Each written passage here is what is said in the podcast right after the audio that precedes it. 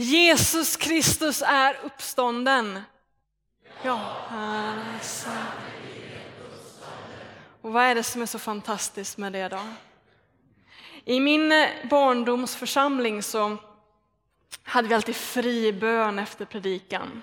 Och det var alltid varje söndag eh, någon av de gamla fiskarna, jag är uppvuxen ute i Göteborgs skärgård, någon av de gamla fiskarna som ställde sig upp och med tårar och med stor innerlighet i rösten tackade för korset. Men jag minns inte att de någonsin tackade för uppståndelsen. Korset var på deras läppar med stor innerlighet. Men uppståndelsen då, vad finns det? Vad har uppståndelsen för plats i vårt hjärta, i vår lovsång, i vårt böneliv? Det är ju konstigt, för det är ju uppståndelsen som är det stora evangeliet, när livet bryter in. Och jag tror att detta beror på att detta som har med uppståndelsen, Jesu uppståndelse att göra, vi har bara smakat på det. Vi har fått en försmak av det. Den frälsning som uppståndelsen bär med sig, den ligger i framtiden. Här anar vi bara någonting, här smakar vi bara någonting.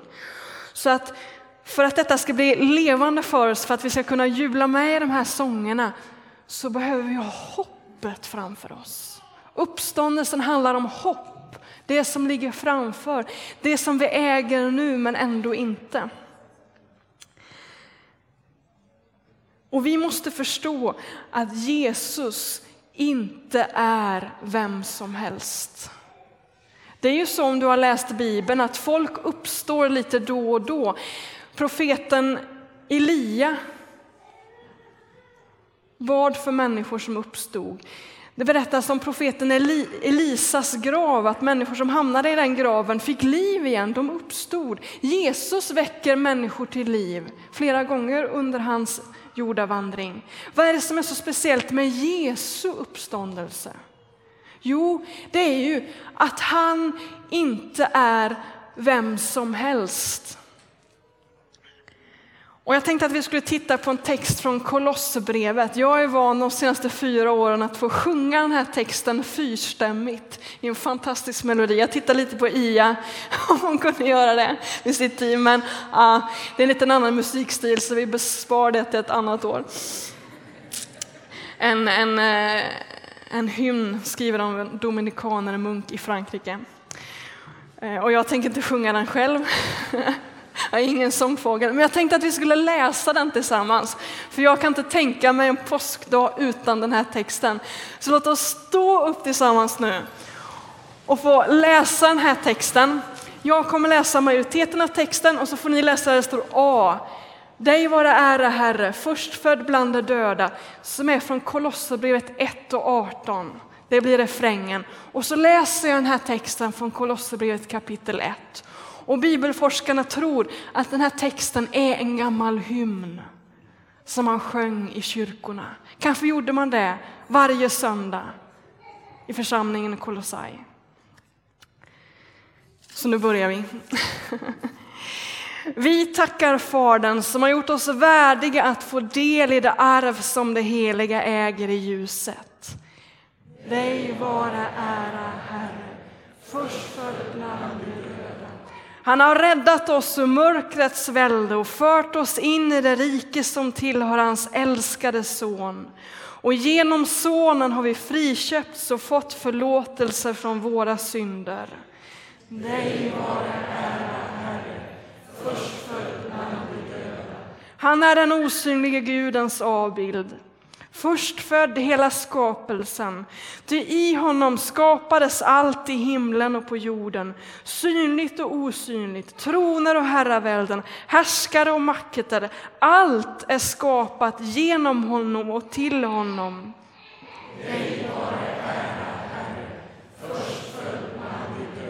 Han finns före allting och allting hålls samman i honom. Dig vare ära, Herre, förstfödd han är huvudet för kroppen, för kyrkan. Han som är begynnelsen, förstfödd bland de döda, till att överallt vara den främste. Dig var ära, Herre, förstfödd bland de döda. Ty Gud beslöt att låta all fullhet bo i honom och att genom hans blod på korset stifta fred och försona allt med sig genom honom och till honom, allt på jorden och allt i himlen. Nej, vare ära, Herre, Ära vare Fadern och Sonen och den helige Ande, nu och alltid och i evigheters evighet. Amen. Dig vare ära, Herre, förstfödd bland de döda.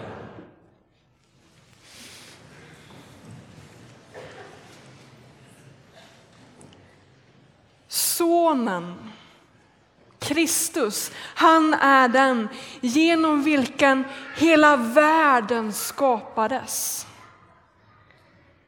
Därför är det inte bara Jesus som får liv en dag som denna. Hela världen reses upp en sån här dag. Hela världen påverkas av det som sker på påsknatten. För hela världen har skapats genom Sonen. Kan du försöka se det framför dig? Hur världen skapas och den liksom passerar genom Sonen. Allt, allt i hela världen bär på spår av Sonen. Det löper liksom osynliga trådar mellan Sonen och världen. Sonen och världen hör samman. Därför får Jesu uppståndelse återverkningar på hela världen. Hela universum påverkas av det som sker på påsknatten. Evangelisten Johannes säger att allt blev till genom Sonen. Utan Sonen blev ingenting till av det som finns till. Och detsamma säger Paulus, världen skapades genom Sonen.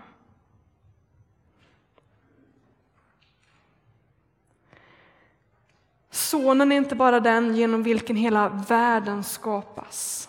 Han är också den som uppehåller livet. Allting hålls samman, som det stod i den här texten. Allting hålls samman genom Kristus. Allt skapades genom honom och allting hålls samman genom honom. Kan du se framför dig hur sonen liksom håller hela universum i sina armar? Bär upp det. Se till så att ekosystemet funkar, se till så att regnet faller, se till så att solen går upp på morgonen, se till så att planeterna inte krockar med varandra. Allting hålls samman genom Sonen, hålls vid liv. Allt är beroende av Sonen. Han hindrar världen från att braka ihop. Därför var det ju nästan självmord den dag då vi dödade Kristus. Vi dödade den som hela världen var beroende av. För vi kan inte existera utan Sonen, allt är beroende av honom. Och aldrig har världen varit så nära sitt sammanbrott som den dagen då Kristus dog. Inte konstigt att Världen börjar skaka, att det sker en jordbävning. Inte konstigt att världen blir mörk. Då Kristus dör, han som håller universum i sina armar förlorar andan och dör. Och det blir mörkt. Det som hindrar jorden att braka ihop en sån dag är de ord som Jesus ständigt har upprepat för sina lärjungar, som de inte har kunnat ta in. Att jag är på väg till Jerusalem och där ska jag lida och dö, men jag ska uppstå efter tre dagar. Denna profetia, detta, detta ord, är det som håller världen vid liv de här tre dagarna. Det är det världen väntar på.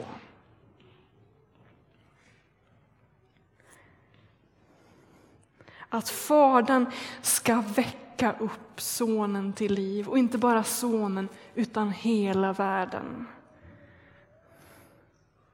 För det är ju det Fadern gör när han väcker upp Sonen. Eftersom det löper trådar mellan allt skapat och Sonen. Världen står i ett beroendeförhållande till Sonen. Därför väcker Fadern upp hela världen på påsknatten. Allt föds till nytt liv. Allt föds till nytt liv. Många talar om världens undergång, men världen kan inte gå under, för världen har redan nått sin nollpunkt. Det kan aldrig bli mörkare än det var då Kristus gav upp andan. Världen har redan nått sin nollpunkt. Då vi dödade den som hela skapelsen var beroende av. Det kan inte bli mörkare. Det kan inte bli mörkare, det kan inte bli mer eländigt. Världen har redan nått sin nollpunkt. Det som du kan läsa om i Uppenbarelseboken, det är bara födslovåndor. Paulus talar om det i Romarbrevet 8, det är födslovåndor. Tills hela världen ska stråla i härlighet. Då allt förhärligas, då allt får det där nya livet som Kristus fick då han väcktes upp från graven. Därför behöver du inte vara rädd. Därför behöver du inte vara rädd för döden. Du behöver inte vara rädd för världens undergång. För det, har, det ligger bakom, det ligger bakom det mörkaste ögonblicket i världshistorien. Det ligger bakom. Dopet hjälper oss att ta till det till vårt hjärta. För vi är förenade med Jesu död och uppståndelse. Det är vad som sker i dopgraven. För vi är ju döda. Andra har med sina synder stuckit kniven i vårt hjärta, sårat oss, skadat oss. Och vi har själva stuckit kniven i vårt eget hjärta genom synden, genom de saker vi har gjort som har brutit mot livet. Vi är döda. Bokstavligt kommer vi att dö, men vi bär också på en andlig död. Och det här tjänar reklammännen stora pengar på. De målar upp ett slags liv framför oss. Det här kan du få om du köper detta och detta och detta och detta. Och det där, det där budskapet skapar bara mer död i våra liv när vi överkonsumerar. Det är en synd. Hämnden vill få oss att tro att man kan få liv genom att trampa på andra. Det är inte sant. Det leder bara till ännu mera död. Staten och marknaden vill få oss att tro att vi kan bli mer levande genom att få fantastiska betyg, fantastiska omdömen, få en karriär. Men det är lögn alltihopa. Man blir inte mer levande genom grejer, genom hämnd, genom karriär. Livet finns hos Kristus. Det är bara Gud som kan göra oss levande igen, som kan resa oss upp från graven. Inte ens Kristus kunde ge sig själv liv. Det var Fadern som reste upp honom. Hur ska du och vi, vi kunna göra oss själva levande igen? När inte ens Kristus gjorde sig själv levande. Istället sa han då han hängde på korset, i dina händer lämnar jag min ande. I förtröstan lämnar han sitt liv i Guds händer och Fadern reser honom upp igen. För det fina med dopet det är ju att man kan inte döpa sig själv, man kan bara ramla baklänges. in i livet, in i döden. Man erkänner att jag fixar inte detta själv. Jag kan inte göra mig själv levande.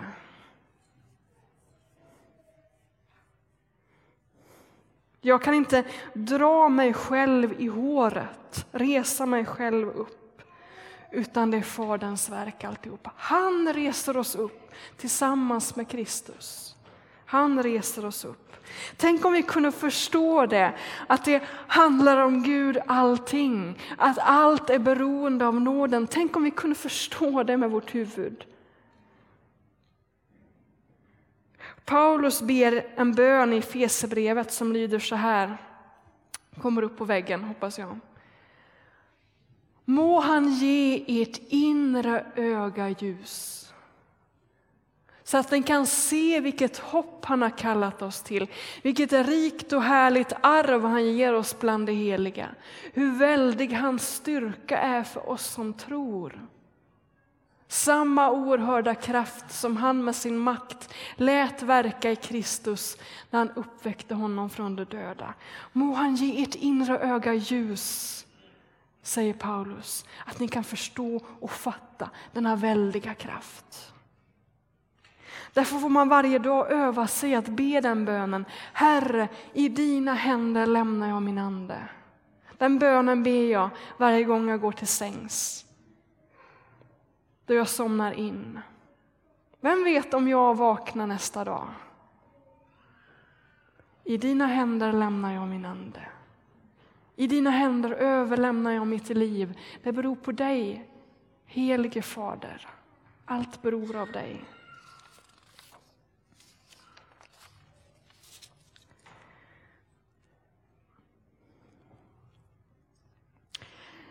När jag var 19 år så dog en vän till mig. Hon var kristen. Hon var inte bara en syster i tron, utan hon var även min mentor. Det fanns en ungdomsgrupp där man fick en mentor att samtala med. Hon dog efter en period av djup depression.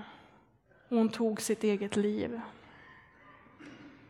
Hoppade från en balkong vid varje timmen. Och det blev en kris i mitt liv att hon som var en förebild för mig hade gett upp. Och jag blev så rädd. Tänk om jag tappar tron? Tänk om jag går vilse?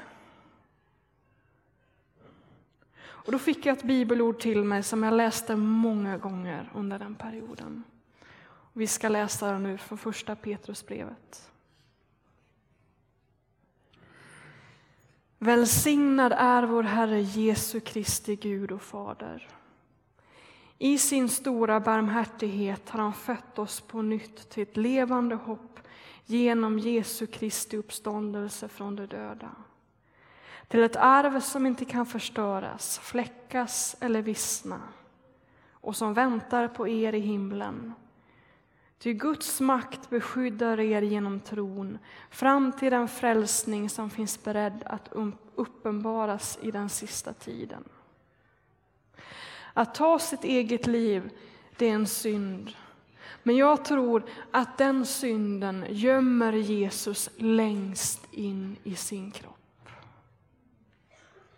Av medlidande. Han har känt den ångesten, han har känt det mörkret. Av medlidande gömmer han den synden i sin egen kropp. Och det aposteln Petrus säger är att vi genom Jesu uppståndelse får en frälsning som inte kan förstöras.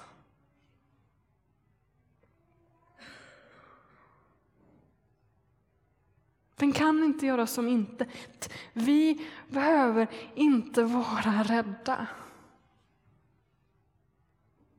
Att tappa tron, att gå vilse, att ge upp.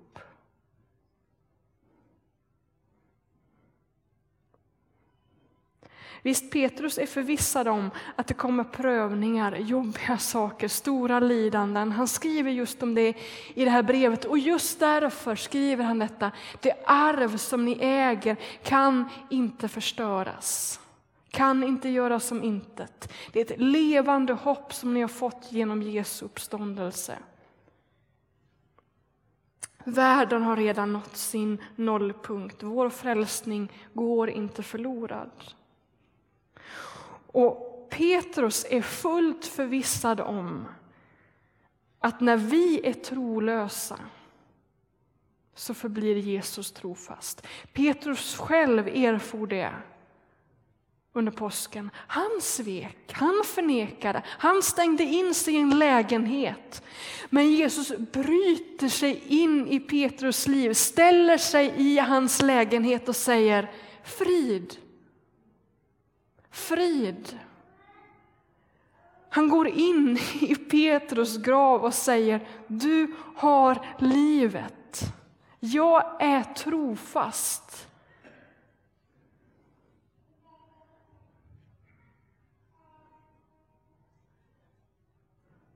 Döden har inget grepp om dig. Om du en gång har sammanlänkat dig med Kristus. Han bryter ständigt in i ditt liv och låter dig få smaka på hoppet. Ta emot det evangeliet. I dopet har vi dött och blivit uppväckta. Därför kunde vi som församling överlämna min vän till Kristus på hennes begravning. På hennes bekostnad kunde vi säga Herre, i dina händer lämnar vi din tjänare. I förvissning om att hon hade fått en frälsning som inte kunde förstöras. Trots att det sista hon gjorde i sitt liv var en synd.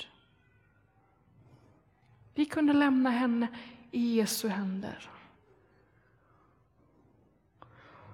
Och vi kunde göra det i förvissningen om att få möta henne och alla de som vi mist i Herren. Alla de som vi har fått i en begravningsgudstjänst lägga i Guds händer. Vi väntar på återseendet och nu ska vi sjunga en psalm som vi sjöng på min väns begravning. Och jag ska läsa första och sista versen. Det här kan vi sjunga med stor tillit. Så här går den. Min frälsare lever, jag vet att han lever. Fast världen har sagt han är död. Och inget kan skilja mitt hjärta från honom, ej änglar, demoner och nöd. Och så sista versen. Ja, öga mot öga i klarhet och jubel och värme och friskhet och glans. Vi lever med honom som här vi har anat, alltså smakat på. Vi lever för alltid som hans.